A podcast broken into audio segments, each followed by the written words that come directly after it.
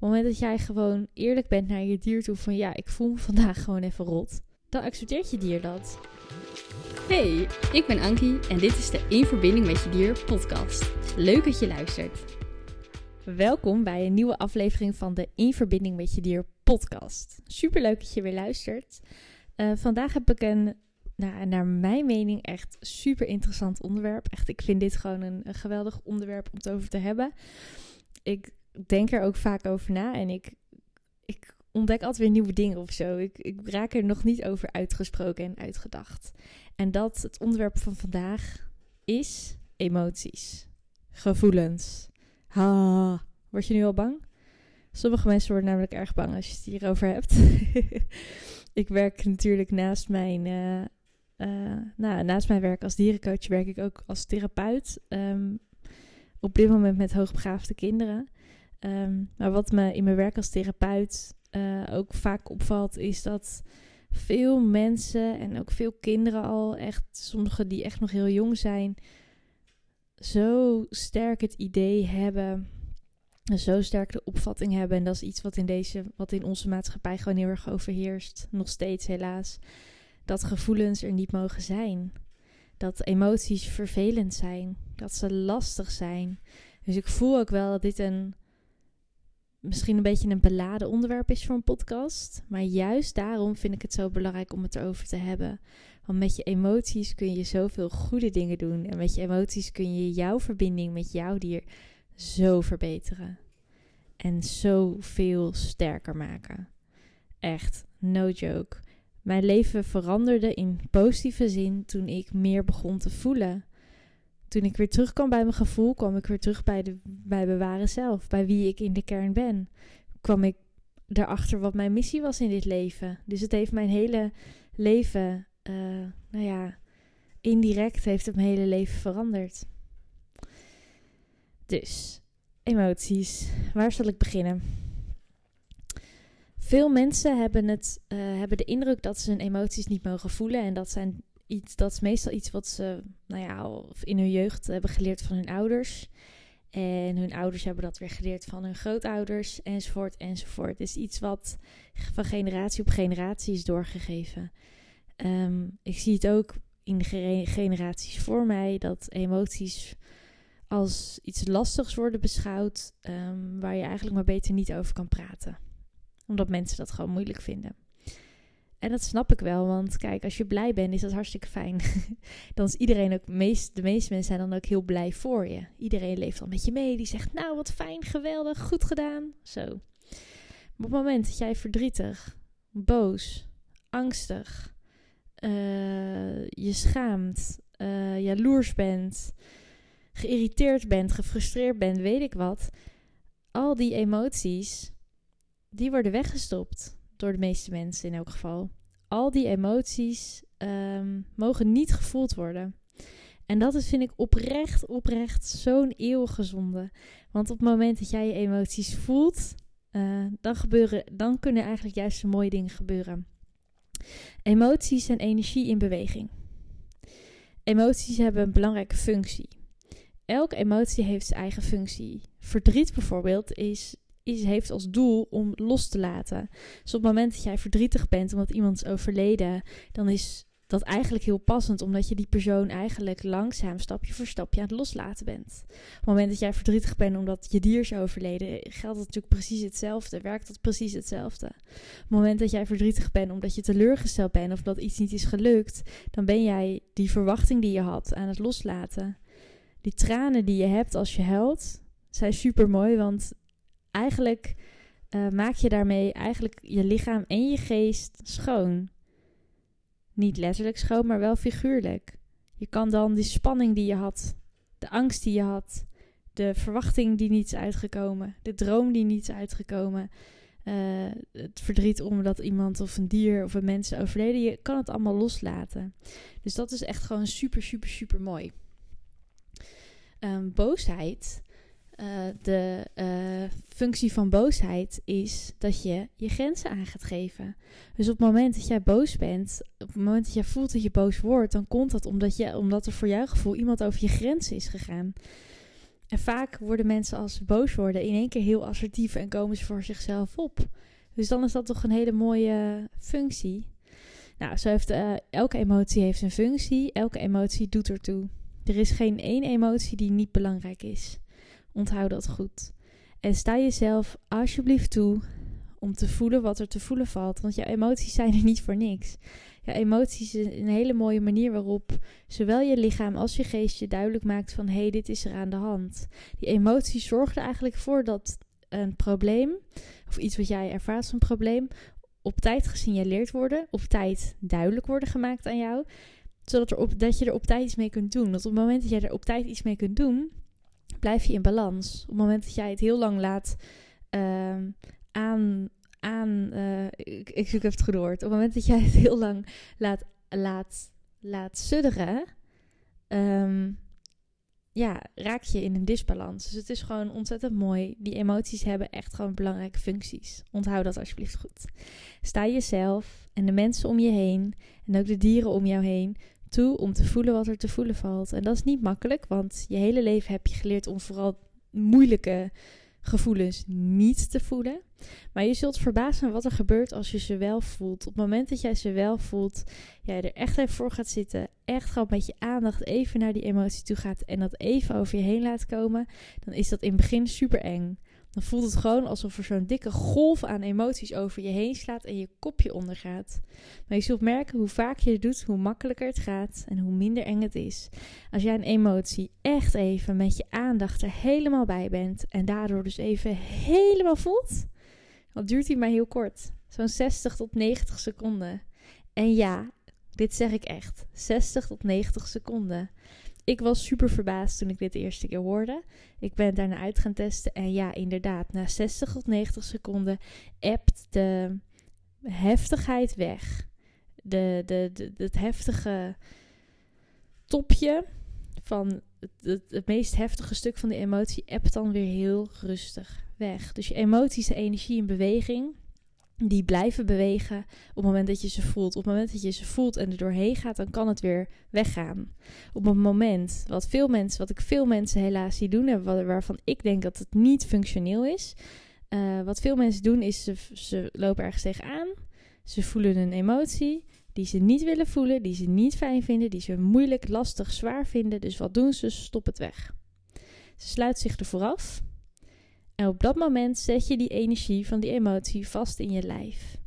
Als je dat heel lang doet, kan dat er ook voor zorgen dat je gewoon lichamelijk dingen, uh, lichamelijke ongemakken gaat ervaren. Omdat je dus die energie zit daar en die, dat hoopt zich daarop. Dat blijft daar zitten. Dat kan niet doorstromen. Terwijl je juist in balans bent als alles lekker kan doorstromen. Maar op het moment dat jij daar dat, dat vasthoudt, onbewust, kan het niet doorstromen. En levert dat gewoon problemen op. Dat is ook zo met je dier. Jouw dier voelt wat jij voelt. Wees je daar alsjeblieft van bewust. Dieren voelen veel meer dan wij doen. Omdat zij zich daar. Zij laten hun emoties, de meeste dieren in elk geval, laten hun emoties wel toe. Een enkeling niet. En dat komt al vaak omdat ze dingen hebben meegemaakt, trauma's hebben, um, waardoor ze uh, nou ja, anders met hun gevoel zijn omgegaan. Dat ze echt beschadigd zijn, zeg maar. Uh, psychisch bedoel ik dan. Maar de, zeg maar 90, 99% van de dieren voelt gewoon wat er te voelen valt en laat het gewoon lekker zijn. En juist doordat ze het lekker laten zijn, stroomt die, kan die emotie weer, ja, stroomt die emotie, dus die emotie die komt en die gaat. Um, dus dat is gewoon super waardevol. Dit is een van de dingen waar, waar, waarvan wij dieren echt als een voorbeeld kunnen beschouwen. Dit is gewoon super belangrijk. Je dier voelt wat jij voelt. En dat is ook heel belangrijk, want dieren moeten van de meeste dieren leven van nature uh, met elkaar samen. Die zijn erop ingesteld om samen te werken. Niet alle dieren, maar veel wel. En wat dieren dus heel goed doen, is bij elkaar voelen wat ze voelen, zodat ze daar goed op in kunnen spelen, goed rekening met elkaar kunnen houden. Uh, dat is dus ook wat ze bij jou doen. Jouw dier voelt wat jij voelt, omdat hij, graag, omdat hij met jou samenleeft en graag met jou wil samenwerken en graag wil weten wat er met jou aan de hand is, wat er bij jou speelt. En omdat jij dat met je dier niet zo verbaal kan bespreken, voelt je dier. Andersom kun jij dus ook voelen wat je dier voelt. En dat is Het is altijd een heel interessant vraagstuk als je iets voelt, om dan te kijken of het van jou is of van een ander. Ehm, dat is iets waar ik zelf heel veel mee heb geoefend de afgelopen jaren en wat mij steeds makkelijker gaat. Wat af en toe nog steeds een beetje verwarrend is, want soms voel ik nog steeds dingen, vooral van mensen en dieren die heel dicht bij me staan, dat ik dan iets voel. Het, en dat eigenlijk beschouw als iets wat van mij is, dat niet eens per se van mij hoeft te zijn.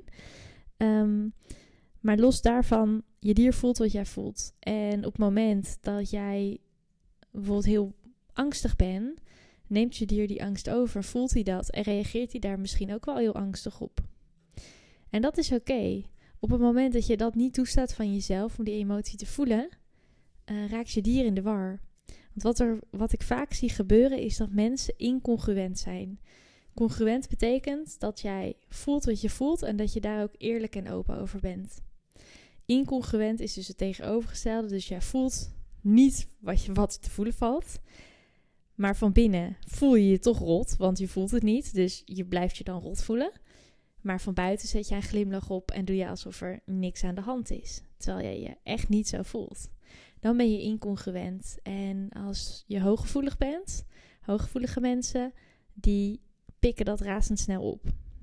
Dan voel je um, van hé, hey, er klopt hier iets niet meestal kan je je vingers er dan niet op leggen, weet je niet precies wat het is. Maar dan ontmoet je iemand die, als jij iemand ontmoet die incongruent is, die dus zich van binnen rot voelt, maar zich van buiten heel vrolijk voordoet. Of andersom kan natuurlijk ook. Maar als het in ieder geval niet op één lijn zit met wat ze laten zien en hoe ze zich van binnen voelen, dan zijn ze incongruent. En als jij hooggevoelig bent, dan voel je dat direct.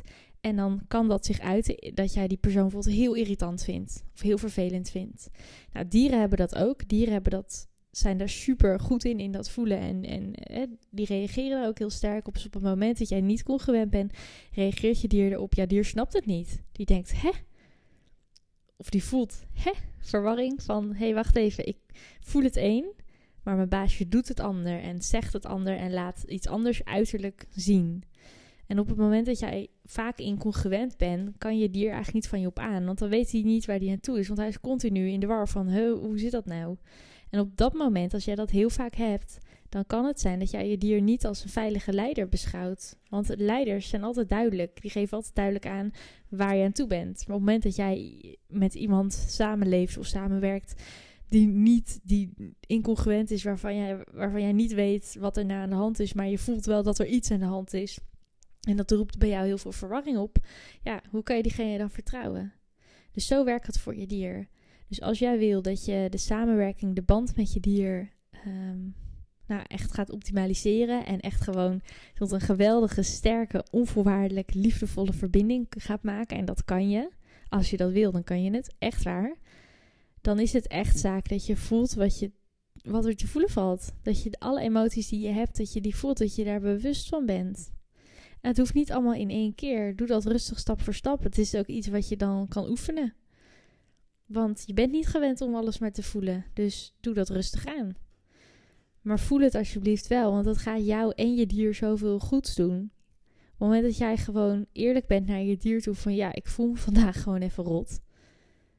Dan accepteert je dier dat. Jouw dier heeft dan zoiets van oh hè, eindelijk. Ik zal je sterker vertellen, ik had een keer, um, ging ik, zou ik met een paard gaan rijden.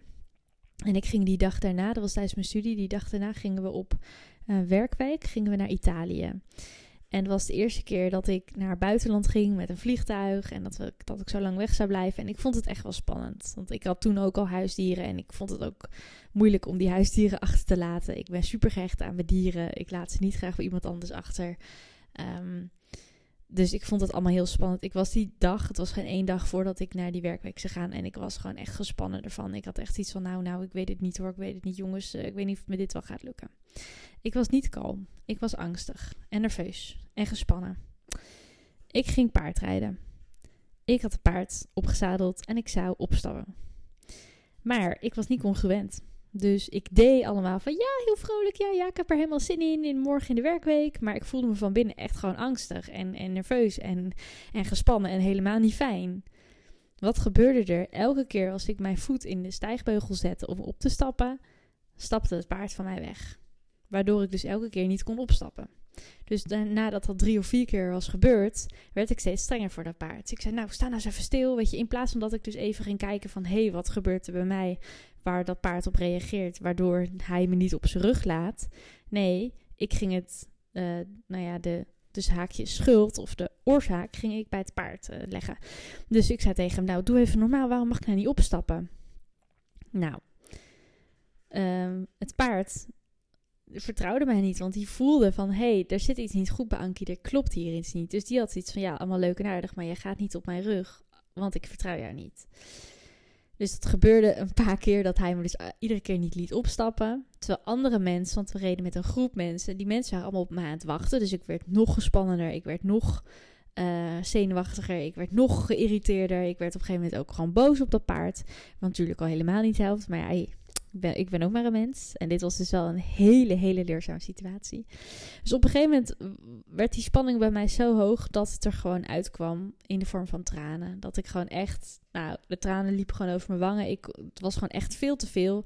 Dus mijn lichaam ging automatisch loslaten. Dus ik werd heel verdrietig. Maar op dat moment dat ik verdrietig werd, gebeurde iets heel bijzonders. Want precies op dat moment kwam dat paard, dat, dat paard liep elke keer een stapje van me weg. Dat paard zette weer een stap naar mij toe. Die begon te kauwen en te likken. Dat is voor paarden een manier om een spanning te ontladen. En op dat moment liet hij me toe op zijn rug. En was het goed. Dus op het moment dat ik barstte, in tranen uitbarstte en die spanning en die angst en die irritatie en alles er liet zijn, nou ja, ik had eigenlijk niet de keuze, het kwam gewoon.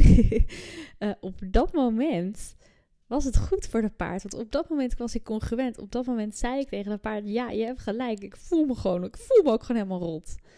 Dus wees alsjeblieft gewoon eerlijk, want daar, daar heeft je dier wat aan. Het maakt jouw dier niet uit of jij je blij, boos, bang, verdrietig, wat dan ook voelt. Dat maakt voor je dier niet uit. Het gaat erom dat je congruent bent. Dus alsjeblieft, neem dit mee in de verbinding met je dier. Kijk naar jezelf. Wees, bewust van je, wees je bewust van je emoties. Want dat gaat je zoveel opleveren. Echt zoveel. Dus alsjeblieft, kijk daarnaar. Ik hoop dat je hier uh, iets mee kan, dat je hier iets aan hebt en dat je naar je emoties durft te kijken. Het is spannend, ik weet het, maar het gaat je wel heel veel opleveren. Wil je hierop reageren of heb je nog vragen? Laat het me gerust weten. Je kunt me via Instagram een berichtje sturen. Mijn account heet dierencoach Ankie.